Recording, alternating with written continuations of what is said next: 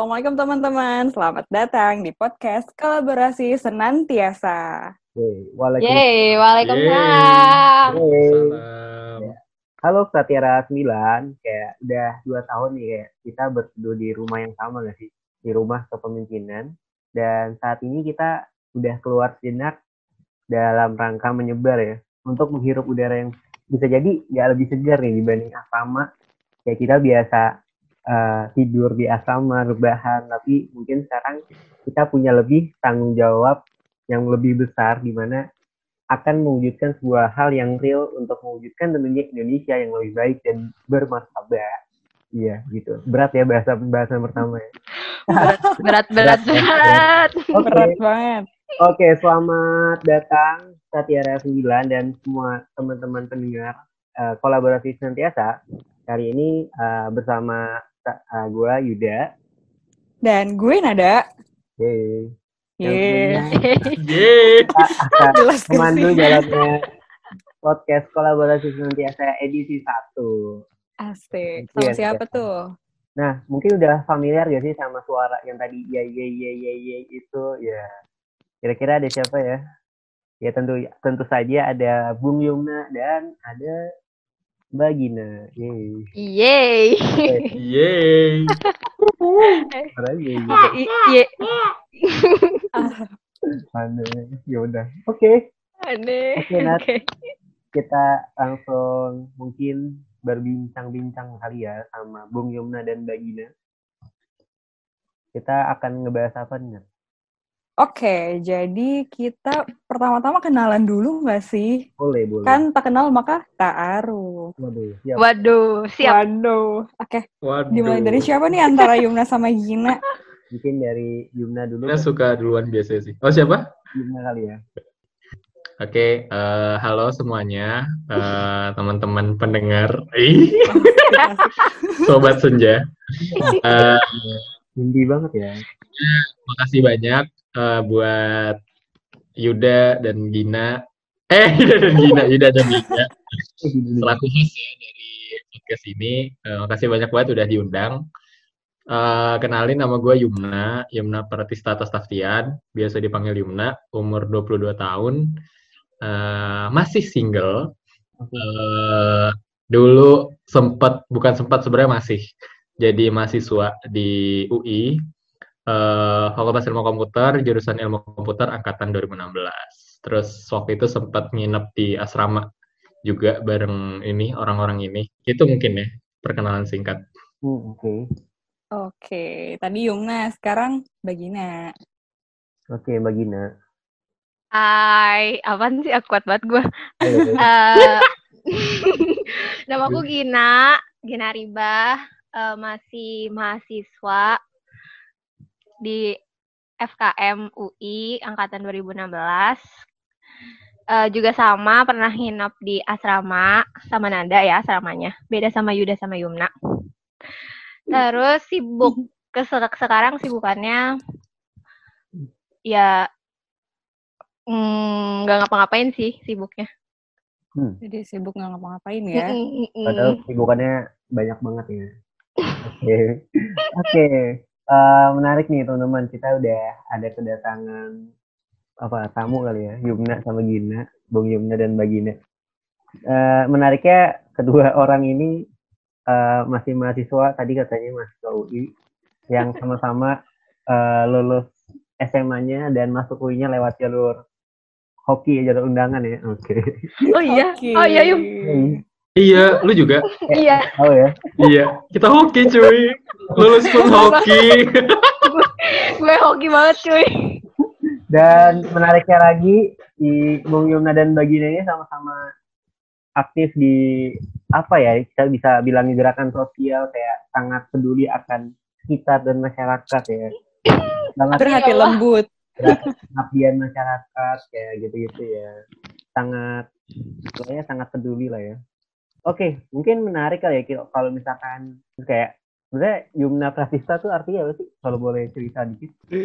Oke. Eh, ya. Eh, nama gue Yumna.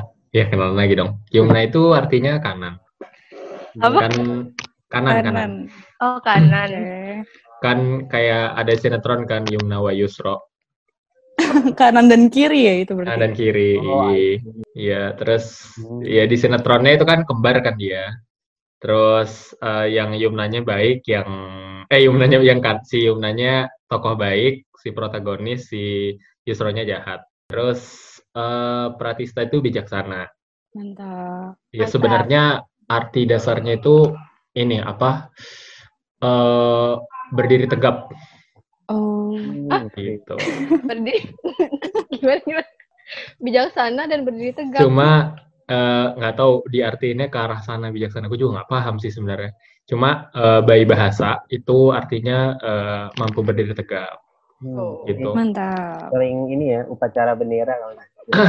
iya nggak pernah tidur dong kalau Oh lagi nggak pernah tidur. apel-apel gitu Apalagi pas jadi paduan suara kan gak pernah tidur kan Yum? wah itu kan ak- kan kita aktif masa tidur kan nggak Iya, mungkin banget betul. guys. Gak mungkin banget. iya Iya, aneh banget bener yang sampai tidur gitu sih ih geli gue Kalau tahun-tahun sebelumnya tuh kita biasanya latihan upacara ya, bener ya sih? Oh Iya, iya. betul banget. Udah tujuh belas Apalagi mau tuh iya mau 17-an kan. dan nggak ada apa namanya upacara lagi ya nggak nggak tahu sih di teman-teman di lingkungan teman-teman ada upacara apa enggak Online dong. online ya. Online. Oke, berarti Yumna Yumna itu artinya bagus banget itu ya berdiri tegak. Oke, berarti orang yang emang sangat bijaksana itu. Emang bener sih sesuai dari nama dan cermin. eh cincong Tadi, tadi menarik banget nih. Tadi kan Yumna, sekarang Bagina. Apa sih Gina Aribah tuh? Eh, sebenarnya pas aku tanya ibuku lupa sih artinya apa soalnya dinamainnya sama encang tahu encang gak sih? Atau Ah. cing ya aku lupa. Teman kencing, coba deh. iya iya. Iya encang cing itulah istilah istilah paman. Oh, sama. paman di Betawi itu encang. Kalau adiknya adiknya orang tua kita tuh encing namanya. Hmm. gitu. Terus jadi aku kayaknya nyari pas nyari nyari itu pas udah orang-orang nanya sih artinya Gina Riba apaan sih Gin? Gue juga nggak tahu ya. Pas akhirnya aku browsing tuh oh ternyata Gina tuh kayak kalau Ariba gak tahu sih sampai sekarang aku artinya apa soalnya aku pernah nyari itu eh, kata dari suku di Arab gitu Hmm. Makanya gue, makanya gue kelihatan kayak orang Arab, Arab gitu kan dikit-dikit. Iyain aja. Jadi gue nggak tahu tuh nama asli apa sih Ariba itu sebenarnya apa artinya. Gue taunya cuma Gina doang kayak Iya. kayak Kayak kayak ya kayak apa aja lah terserah lo pokoknya. oh oke oke kayak gimana ini orang kaya lah ya. Amin ya Allah. amin amin ya Allah ya Allah. Amin ya Allah. Kayak dalam segala aspek ya, Gin. Iya, iya. Kaya akan betul ilmu, yoi. betul Kaya akan pengetahuan. Masya Allah. betul Kaya akan kebaikan. Iya, udah Betul. ya dilanjutin, kayak king Kaya sih. kacang oke lanjut Nah, Oke. Jadi tadi kita udah udah tahu lah ya nama dari Yumna dan Gina enaknya. Mungkin apa nih kayak misalkan sebenarnya kan kayak kalian berdua ini adalah orang-orang baik ya, misalnya kayak Iya, Yud, peduli orang baik. orang baik lah pasti lah ya. Peduli banget gitu Amin. sama orang lain gitu. Wah, parah. Parah banget kan. Nah, sebenarnya kalian tuh apa ya kayak lingkungan tinggal dan tumbuh seorang Bung Yumna dan Bagina itu sebenarnya dari mana sih? Kayak kok bisa gitu? Bisa kepikiran ikutan volunteeran atau uh, pengabdian masyarakat kayak gitu. Sebenarnya lingkungan kalian tinggal tuh emang mendidik kalian buat saling berbagi atau Atau kalau mungkin bukan karena lingkungan, apa sih yang menggerakkan hati kalian kali ya? eh apa ya? Sebenarnya eh tapi gue yang bukannya sosok gitu ya maksudnya. Karena menurut menurut gue tuh dulu eh alasannya sih awal ikut volunteeran itu karena supaya jalan-jalan. Jadi gue tuh baru boleh keluar kota, event itu ke Jakarta, kan rumah gue di Tangerang nih. Gue baru boleh ke Jakarta itu pas gue udah lulus, lulus SMA. Gue nggak pernah tuh ke Kotu, ke Dufan, kayak temen-temen gue ngajak tuh gue nggak pernah. Makanya pas gue mau kuliah, gue bikin janji tuh sama ibu gue. Pokoknya kalau aku kuliah, aku boleh ke mana aja ya bu gitu. Akhirnya kan kalau volunteeran kan kayak nginep-nginep gitu kan, keluar daerah gitu. akhirnya gue ikut tuh awalnya gara-gara pengen keluar kota Terus? Hmm. pas itu tuh pengalaman pertama banget ke Sukabumi 10 hari iya Sukabumi apa- atau Garut ya gue lupa pokoknya dari Jawa Barat yang ujung yang itu banget deh susah sinyal kayak tidur eh, rumah host famku tuh di samping kandang kambing yang kayak gitu-gitu terus akhirnya berkontemplasi kan wis acara volunteeran pertama ya berarti. Iya, acara volunteer pertama. Masih maba kan itu habis habis. Kan kalau maba kan ada materi-materi yang tridharma, terus harus memberi lah ini itu gitu, gitu kan. Hmm. Terus saya gue ikut volunteeran, pas volunteeran berkontemplasi. Terus mikir sih, dari SD tuh sekolah, SD, SMA, SD, SMP, SMA itu gak pernah bayaran karena pas banget gue masuk sekolah tuh kebijakan pemerintah kota Tangerang tuh selalu menggratiskan gitu. Kayak, hmm, Sama Iya. berarti kayak di Jakarta. Iya. Oh Jakarta juga gitu ya. Ya Hmm. udah tuh kayak kayaknya masa udah banyak dikasih sama orang atau bahkan gue sampai mikir kayaknya gue bertahan hidup tuh juga karena eh, atas bantuan orang-orang aja gitu. Gitu sih terus jadi kayak mikir kayak nggak tahu diri banget kalau cuma dapet dapet dapet tapi nggak ngasih. Sebenarnya pas gue eh, volunteeran pertama itu juga kayaknya gue yang banyak dapet sih karena banyak banget gitu loh dikasih sama masyarakat sana sedangkan gue nggak ngapa-ngapain cuma bacot doang gitu kan kayak edukasi edukasi gitu itu sih itu Hmm. kayak hmm, kegiatan volunteer pertama tuh yang sangat berkesan gitu jadi dari situ tuh banyak banyak berpikir dan banyak berefleksi kalau ya kayaknya sebenarnya tuh hidup yang sedang gue jalani tuh buka, juga berkat kebaikan hati orang lain gitu itu sih cie Iya. Asik. Merenung jadi merenung kali. Iya jadi cie jadi ternyata ketika berusaha mau memberi malah mendapatkan lebih ya Gin. iya parah banget sih Nat Beserta plus plus refleksi dan segala macamnya. Mm-mm. Gokil. sayangnya di sana nggak ada senja-senja gitu sih Asik. Iya. gunung soalnya Pagi mulu kali ya.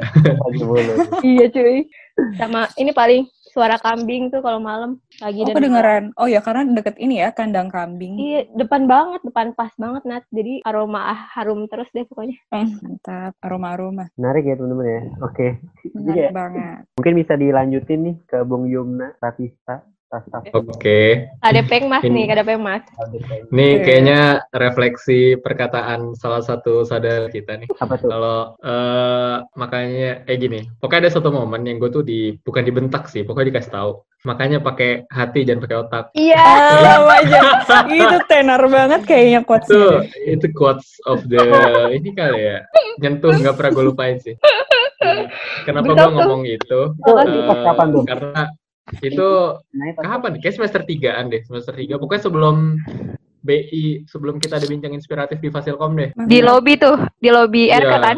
Iya lo Mantap, biar mantap. Pokoknya Yang berarti itu kata-katanya nyentuhnya ke hati lo bukan ke otak. Iya. Iya, heeh. jadi saat saat itu juga gue langsung implementasiin kan, pakai hati Mantap. dan pakai otak. Padahal waktu itu cuma debatin ini apa eh, mau bawa galon atau enggak. Oke lanjut. Iya.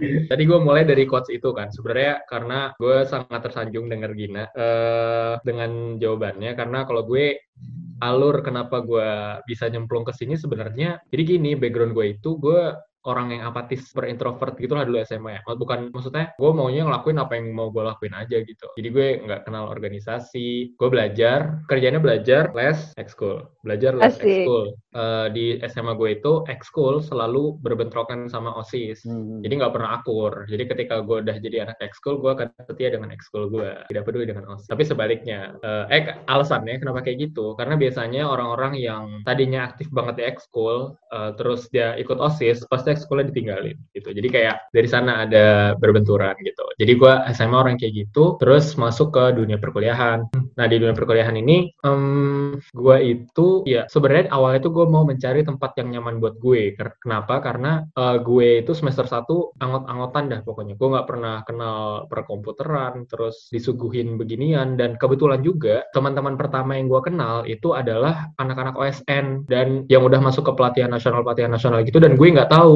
kalau mereka anak OSN. Jadi kayak gue salah circle eh, dan ngedown karena mereka ngerjain tugas cepet, sedangkan gue kayak gue nggak ngerti apa-apa. Gitu. Jadi akhirnya gue mencari solusi. Oke, gue harus nyari tempat yang nyaman nih. Ya udah akhirnya eh karena miskin circle tadi akhirnya gue coba nih expand. Oke apa yang mau gue coba? Waktu itu target gue gue cuma masuk lembaga dakwah sebenarnya. Karena eh, di otak gue BEM itu super sibuk. Jadi gue nyari yang santuy lah. Karena akademik gue juga masih anggot-anggotan semester satu. Terus sampai akhirnya udah nih planning gue kayak gitu gue daftar waktu itu di Fasilkom namanya Fuki. Gue daftar juga nyari yang paling gabut. Tau nggak?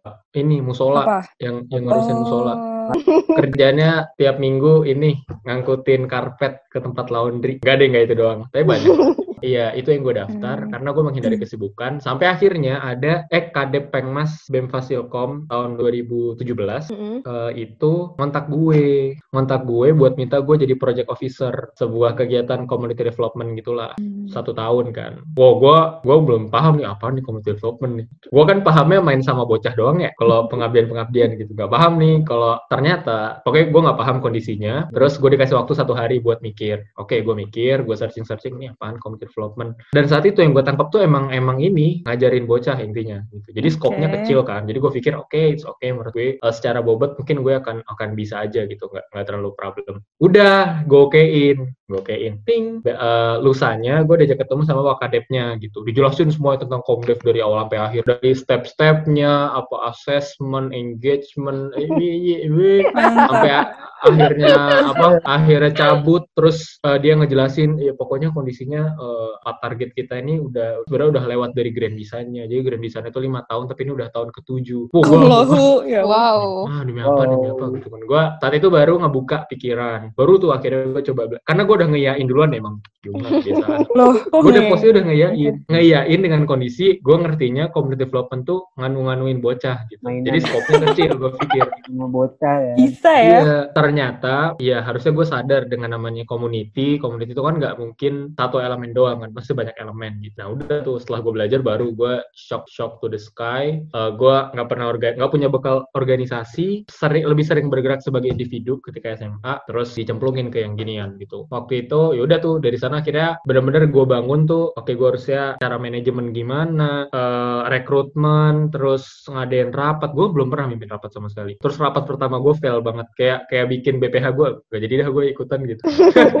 Pokoknya fail banget. Aduh, Iya, iya. Terus akhirnya itu berjalan selama berjalan dengan rapihnya setengah tahun. Setengah tahun ke belakang Oke. kayak cuma bertiga deh yang gerak. Wah. Waktu itu Wow. gua, PPO gua, sama satu lagi ada eh, dulu nemenin gua pas di BEM. Nah, nah itu. Nah, itu semu- semuanya mulai dari sana sebenarnya. Karena kecemplung atas ketidaktahuan, tapi mungkin gue dipaksa untuk belajar di sana kan. Jadi ya alhamdulillahnya dicemplungin sih gitu. Terus ya udah akhirnya setelah itu eh, mulai eh, kebangun pola pikir, kenapa sih kok Kota Depok? Jadi keresahan gue dari Kota Depok sebenarnya. Kenapa sih Kota Hmm. Depok kok ternyata masih banyak banget nih tempat-tempat yang eh, apa ya? Dia di Margonda tapi dia jauh kayak jauh dari peradaban gitu loh. Kita dari sisi pendidikan eh habis itu eh, apa namanya? Ternyata dengan ada dengan bagusnya Jalan Margonda itu memberikan efek buruk ke mereka karena mereka nggak ada yang edukasi gitu. Jadi kayak anak-anaknya eh, pagi sampai siang sekolah, habis itu ke time zone, ke time zone bocah kelas 4 SD sampai malam. Tapi habis habis maghrib ngaji sih, ya gue apresiasi lah ada ngaji.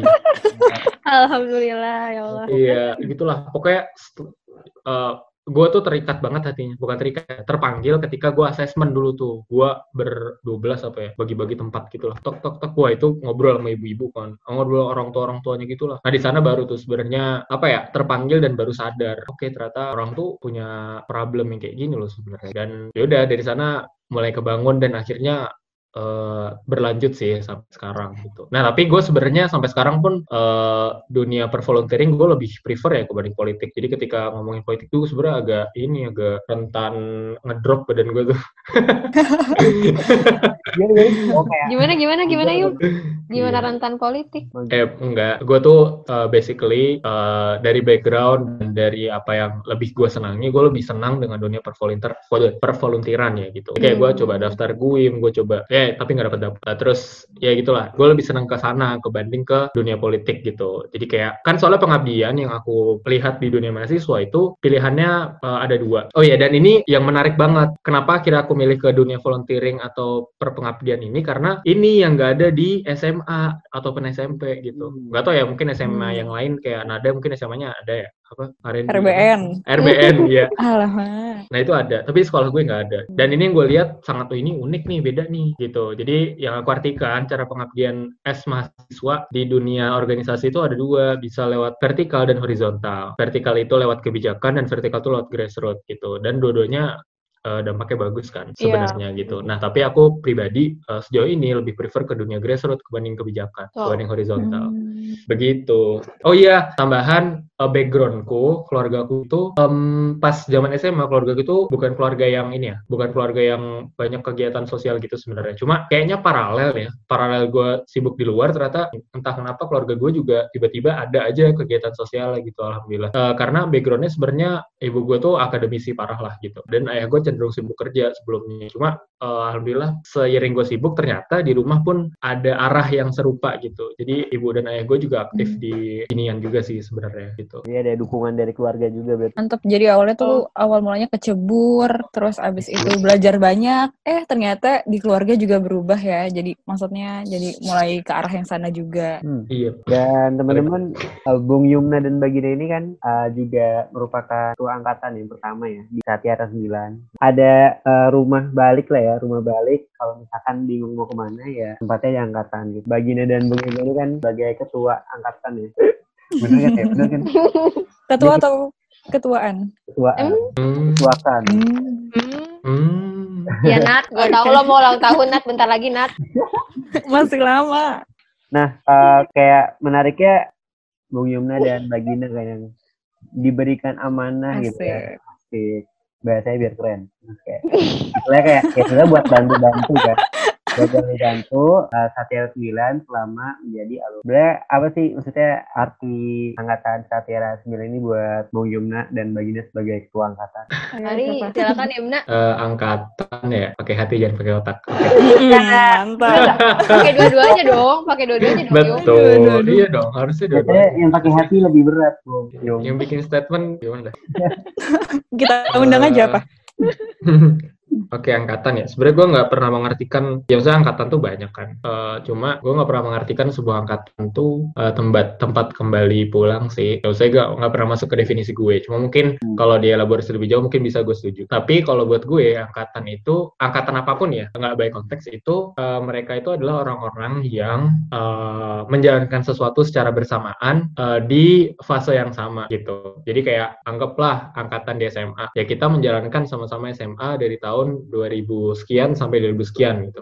Sebagai satu angkatan. Di kuliah juga kan gitu. Eh gue anak angkatan 2016, ya gue seangkatan nih sama, teman-teman gue yang angkatan 2016 karena kita sama-sama mulai di 2016, sama-sama ngelewatin 2017 bareng eh, dengan segala dinamika yang bareng gitu. Dan pasti di angkatan selanjutnya atau sebelumnya ada per- ada aja perbedaan gitu. Jadi angkatan pasti punya nilai uniknya sendiri eh, angkatan apa pun. Tapi kalau ngartiin angkatan RK buat gue itu apa? Em, sebenarnya simple, tapi intinya mereka nih orang-orang yang paham tentang gue, eh, bahkan bisa aja dari hal-hal yang gue aja nggak paham gitu, kalau itu gue gitu. Kenapa? Sebenarnya backgroundnya simple sih, karena kita 22 bulan, utamanya Ksatria ya, 22 bulan nginep bareng gitu. Dia pasti udah lihat nih apa kebiasaan buruk gue, eh, kebiasaan yang bagus apa, terus eh, apa namanya, eh, segala perjuangan gue lain-lain yang bisa aja ketika gue saat itu sebagai individu tuh gue gue nggak bisa ngelihat di diri gue, tapi ada mereka teman-teman gue yang mereka ini justru ngeliat ke gue gitu. Jadi bisa diartikan sebagai ya mereka orang-orang yang paling paham dan tempat eh, gue berkaca sih. Berkaca itu maksudnya ya karena mereka yang melihat gue dari luar ketika gue lagi ngelakuin sesuatu gitu. Karena kan ketika kita ngelakuin sesuatu bisa aja saat itu kita lagi nggak mindful atau kita lagi dalam keadaan yang nggak maksimal. Akhirnya kita bisa aja nggak paham gitu. Tapi yang bisa menilai kan mereka yang dari luar gitu. Jadi kayak itu sih menurut gue ya Hmm. gitu. Jadi karena udah udah mereka udah paling paham tentang gue ya bisa jadi tempat cerita, bisa jadi tempat berkonsultasi eh, dan lain-lain sih. Gitu sih kalau dari gue. Ya, bahkan saudara sampai surga ya. Asik. Oh iya, amin ya Rabbal alamin. Amin ya Allah. Menarik nggak itu Yud? Menarik. Kayaknya kita bisa hitung deh menarik udah berapa kali. Ntar ke depan. Kan bisa jadi challenge. kan di akhir ada game pertanyaan gitu kayak berapa kali udah mau ngomong kata menari. bisa bisa Tadi bisa bisa nggak- bisa ketawa. Nanti yang bisa jawab dapat skala pertar. Iya, dapat setengah, dapat satu kalau persat. boleh boleh. Oke. Jadi tadi banyak ya berarti orang-orang yang lebih mengerti tentang Yumna bahkan sampai Yumna aja nggak ngerti gitu. Tapi orang lain tuh ngerti gimana tuh. Betul. Oke. Mungkin lanjut ke Mbak Gina. sebenarnya kalau harus ngertiin aku nggak tahu sih ngertiin apa ya tapi kalau misalnya hmm, ditanya kenapa kenapa mau ini sih jadi karena saya anaknya sangat suka berkontemplasi ya itu gue nggak pernah yang namanya punya saudara banyak jadi kan gue cuma berdua bersaudara tuh cuma punya kakak satu laki-laki dan usia kita tuh beda lima tahun. Jadi kayak gue tuh selalu berada di posisi yang gue enak gitu karena apa-apa minta tolong AA gitu misalnya. Terus ini tuh harus tinggal sama orang 30 orang yang sifatnya beda-beda yang nggak semua bisa. Kayak di rumah gue kan kalau di rumah gue ibu bapak AA, AA tuh bisa ngikutin apa mau gue kan. Sedangkan pas gue ke asrama ya nggak bisa. Orang-orang harus menuruti apa yang gue mau terus-terusan gitu gitu kan.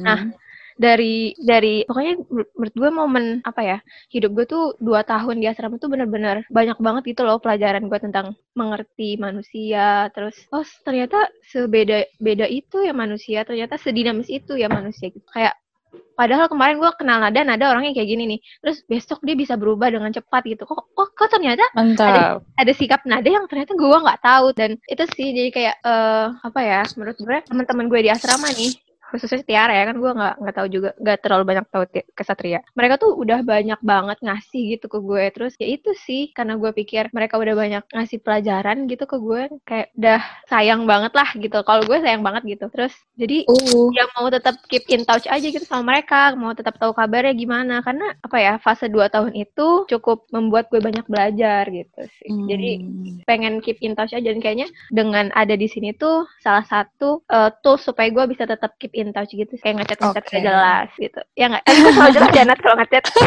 Iya nggak apa-apa Gin. Jelas, Itu jelas banget. Ngechatnya mana apaan, Gin? Oke. Menarik. Menarik. Dengerin aja. Menarik. Ya, berarti ini apa ya kayak apakah itu akan jadi salah satu cuplikan di bukunya Mbak Gina? Iya. Asik. Dialog puan itu dialog puan. Dialog puan. Oh enggak enggak. Sebenarnya setiap postingan-postingan tulisan-tulisan itu kan Hmm. Oh iya, Ini. BTW, Gina ini Pengalaman. satu yang ngepost di Insta- Instagram. aku lagi lagi berhenti dulu nih nanti ya. Hmm. Cie. Asik. Gue tau ya tuh fans Ah, fans berat gue kan Yud. Jadi kalau Mbak Gina ngepost itu biasanya ada foto dan sampingnya di slide ada tulisan-tulisan. Iya betul banget. Sumpah. Padahal kan Udah bisa emang followers kan. sejati gue. Padahal bisa nulisnya di caption tapi dia bikin foto. Betul. Terus ada Mantap, mantap. GS. Iya. Yum yum yum yum. Yum jangan aneh-aneh. Eh kok ge si Yumna eh Eh, GA. Oke lanjut. awas ya Yum. Gue diem, gue diem. Sebuah ancaman. Ngomongin tentang Satiara nih, kalau misalnya bisa di flashback, bisa diulang momen bareng, ada gak sih momen tertentu yang kayak rasa ba rasanya pengen banget gitu diulang? Ada gak di antara kalian?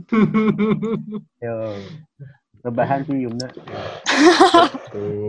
Apa? Momen yang ini saat Tiara atau Tiara doang nih Nat? Boleh dua-duanya. Eh, boleh dua-duanya terserah. Kalau sama Tiara tuh banyak sih, tapi yang paling diinget sampai sekarang tuh ini sih, inget sih Nat waktu mabit. Sumpah itu keren banget sih ya bikin. Iya. yang itu loh Nat, yang yang Tiara doang. Oh, oke. Sumpah ya, gue tuh nggak nggak, lu bayangin nih, kita kan kayak tidur di ruang tengah semua tuh kasur semua terus kita berbaring kayak ikan pepes gitu di ruang tengah. lu bayangin tuh semua Tiara berbaring. Sumpah Terus? ya pepes banget. Terus enggak kapan kapan ya Nat? Kapan ya? Kayaknya nggak awal-awal ya, pokoknya pertengahan gitu deh kalau nggak salah. Pas itu eh, jam 3 itu kayak ada bunyi gong dong gong. Apa sih Nat itu gong gong gitu ya? Galon. Rekaman sih sebenarnya. Oh, itu rekaman. Iya, rekaman Ingat gak sih? perpaduan rekaman sama galon. Wah, lu kayak abis Hmm, dibangkitkan di dalam kubur gitu karena gue kaget. gimana? Semua gelap. Terus ada suara dong dong dong, kayak suara orang ngaji ya Nat. Itu rekaman orang ngaji. Rekaman YouTube sih sebenarnya. Ya udah Tapi pokoknya- ada perpaduan sama suara galon juga. Dipukul-pukul di Gua tahu. tangga. Oh, itu Bella kayak dia mukul-mukul. gue gue tuh tidur eh, karena nggak dapet si kasur itu kan tapi kan nggak boleh di kamar gue tidur tuh bener-bener kaki gue ke atas dan itu di depan pintu tiba-tiba dibanguni dengan gelap terus ada suara suara orang kayak lu lalu lagi ba- dibacain yasin gitu lah terus ada dung dung. Mampus ini gue udah mati apa gimana kan? Wah itu bener-bener Iya. Habis itu langsung disuruh sholat apa KL terus ya muhasabah muhasabah gitu. Tapi itu sangat ini banget sih bikin kan gue gampang nangis juga sih sebenarnya tapi memorable banget. Karena habis KL terus langsung kayak kita udah tutup mata itu refleksi selama di RK itu pernah ditanyain. Gue paling ingat pertanyaan tentang yang pokoknya kayak Kak bilang yang pernah pengen keluar dari asrama tuh maju mundur gitulah gitu-gitu. Itu pertanyaan gue paling sih. Karena gue lagi pengen keluar dari asrama tuh waktu itu. Kayak lagi males-malesan gitulah. Terus pokoknya di ending habis muhasabah itu kita dikasih dua dua kartu gitu yang bentuknya hati yang satu warna merah. Itu buat terima kasih. Ya ya ya nggak sih Nat? terima kasih. Yang satu itu maaf. Buat dikasih ke masing-masing tiara gitu. Itu sih. Hmm, tapi Ya banyak Allah. lagi momen yang paling banyak juga sih momen yang menyenangkan kayak ke Mandalawangi itu juga wah gila itu hujan-hujanan terus kita sholat dipayungin satu apa saling Iya. mayungin gitu Iya, gemes banget. ada banyak lah Mantap, mantap. apa kalau sama kesatria apa ya kalau sama kesatria belum Apa? kepikiran sih Ya ampun. kita samain Aduh, aja aduh, aduh, aduh. Kan banyak konflik berarti ya. Betul. Pakai hati bukan otak. Otak. Hmm. itu kayaknya Kacau. itu jadi nama podcastnya aja podcast iya ya? Ya Allah jahat kalian ini. Barangkali. Padahal itu dari Anda, Bung. Aduh Bung Kades. Oh, mungkin ini kali ya, momen waktu bareng-bareng tuh di ini apa? Car Free Day. Oh, BI 3. Iya, Ya. BE3 uh, Car Free Day. Hari Karena bumi kayak ya. ini sih eh gak tahu itu kayak semua orang kan biasanya kesatria tuh menurut gue ya kesatria, kesatria tuh sangat menjaga image banget gitu loh kayak jaim jaim jaim jaim gitu ya nggak sih Nat Aduh, bisa dibilang. Oke. kayak jaim-jaim gitu tapi pas di BI3 tuh kelihatan aja gitu skip-skipnya sebenarnya kita tahu sih skip-skipnya kesatria tuh kayak gimana cuma lebih terbuka aja gitu Iya, iya, tetap. Oke. Tadi Gina nih, sekarang Yumna. Kasih tahu. Kayak gue bagi jadi tiga. Iya gue bagi jadi tiga deh. Kasih Pertama. tahu. Kangen baik-baiknya. Iya. Sudah pasti. Di satu bulan dua bulan awal asrama. Itu momen-momen yang kayak kita hidup di bawah pressure semua. Hidup di, di bawah pressure tuh eh, Abing waktu itu masih serius banget kan. Kita semua sangat respect sama beliau lah. Terus eh, takut banget bangun nggak bangun KL itu setakut itu. Bener, Terus bener. pas sistem sistem piket eh, bangunin sistem piket eh sistem piket bangunin deh itu masih jalan banget itu ini sih hal baik yang sangat gue kangenin sih sebenarnya. Jadi kayak Iya. eh tengah pot dibangunin, terus eh, Salman jentik-jentikin jari, Ai jentik-jentikin jari, Ab- terus Jadi lama-lama gimana sih Jentikin jari maksudnya? Gini. Terus buat Oh. apa? buat bangunin. Emang kedengeran? Jadi, Eh, itu annoying Nat. Annoying. Iya. Bikin kesel. Emang kedengeran ya? Kedengeran kedengeran. Bikin kesel. Wow. Bikin kesel suaranya sumpah. Wow, jago banget. Tuh, terus eh itu sebulan, dua bulan, tiga bulan pertama kali ya tuh yang kita benar-benar full tim dari KL terus sampai maksudnya semua masih berjalan dengan sangat baik lah. Itu hal baik yang sangat gue kangenin. Eh, terus yang kedua mengenai kebersamaan eh rihlah yang menurut gue memorable banget ya karena gue nggak ikut rihlah yang ke puncak sih ya itu yang ke Bandung sih yang pasti ke Bandung tuh eh, kondisinya kita masih culun-culun masih itu belum kayak itu baru itu semester awal kan gitu ya Iya, bener. Iya. semester Iya. satu kan Heeh, benar. terus kita masih culun-culun eh, masih komplit masih eh, lucu kalau foto bareng foto bareng di tangga Aduh, Ke terus Taman Anggrek iya cuy ke ke Bandung Orchid ya, gak sih? ke Iya. Orchid Orchid. Ke minum Orchid. kopi cantik Iya. ya gitulah dan ya itu menurut gua momen yang ini ya momen nginep-nginepan yang dikangenin sih karena kita malamnya ya nonton film horor bareng dan lain-lain itu momen kebersamaan yang ini sih memorable karena karena apa ya karena em, menurut gue belum banyak skipnya gitu. Karena kalau dibikin grafik, gue rasa uh, skipnya itu, eh kalau secara grafik performa tuh menurun sebenarnya. Jadi pas itu masih tinggi tingginya, performanya bagus. Jadi seru. Nah terus sisanya sebenarnya yang gue kangen itu konflik sih. Iya. Aduh, menarik. Gimana, gimana? Kon- Maksudnya gimana tuh? Maksudnya Terlalu Yang banyak konflik. gini, iya, konf- maksud gue konflik-konflik asrama itu menurut gue konflik-konflik yang memberikan percontohan sih ya. Kalau ya hidup dengan orang lain itu nggak mudah, mau gimana juga. Eh Hmm. karena gue belum pernah pesantren atau ini ya asrama yang lain gitu. Tapi ini menurut gue menarik sih karena eh, ada yang nawarin solusi tapi karena dengan alasan yang khawatir-khawatir terus akhirnya solusinya nggak dipakai akhirnya masalahnya muncul lagi and it it it is itu itu muter di situ aja selalu ada yang mau mencoba menyelesaikan tapi akhirnya tidak terselesaikan gitu itu gue konflik yang menurut gue menarik sih ya menurut gue menarik karena dari sana masing-masing dari kita tuh paham eh, apa namanya eh, paham sudut pandang orang sih ya jadi ada yang cara berpikirnya kayak gini walaupun kesel Hmm. tapi jadi paham gitu. Jadi at least kita punya persiapan. Oke, ntar lu di dunia kerja akan berdebat dengan orang yang mungkin lebih heterogen dari ini gitu. Mungkin yang skalanya internasional gitu. Menurut gue jadi, hmm, oke, menarik banget sih. Tapi itu salah satu yang gue kangenin sih. Konflik itu. Terus sisanya itu hal-hal personal kali ya. Biasanya Raca nih paling paham. Raca, Kimo. Hmm. Nah, itu kayaknya nggak usah dibahas. Oke, oke Yung. Betul. Kayaknya gue paham juga gak nih? Enggak. Kayak lu paling keren pokoknya gini. Sepertinya orang-orang yang dengerin kita juga paham lah ya. Hmm, paham lah ya. Anggap saja paham. Kan kita sudah Ya. alumni. Jadi kalau udah alumni tuh maksudnya gimana?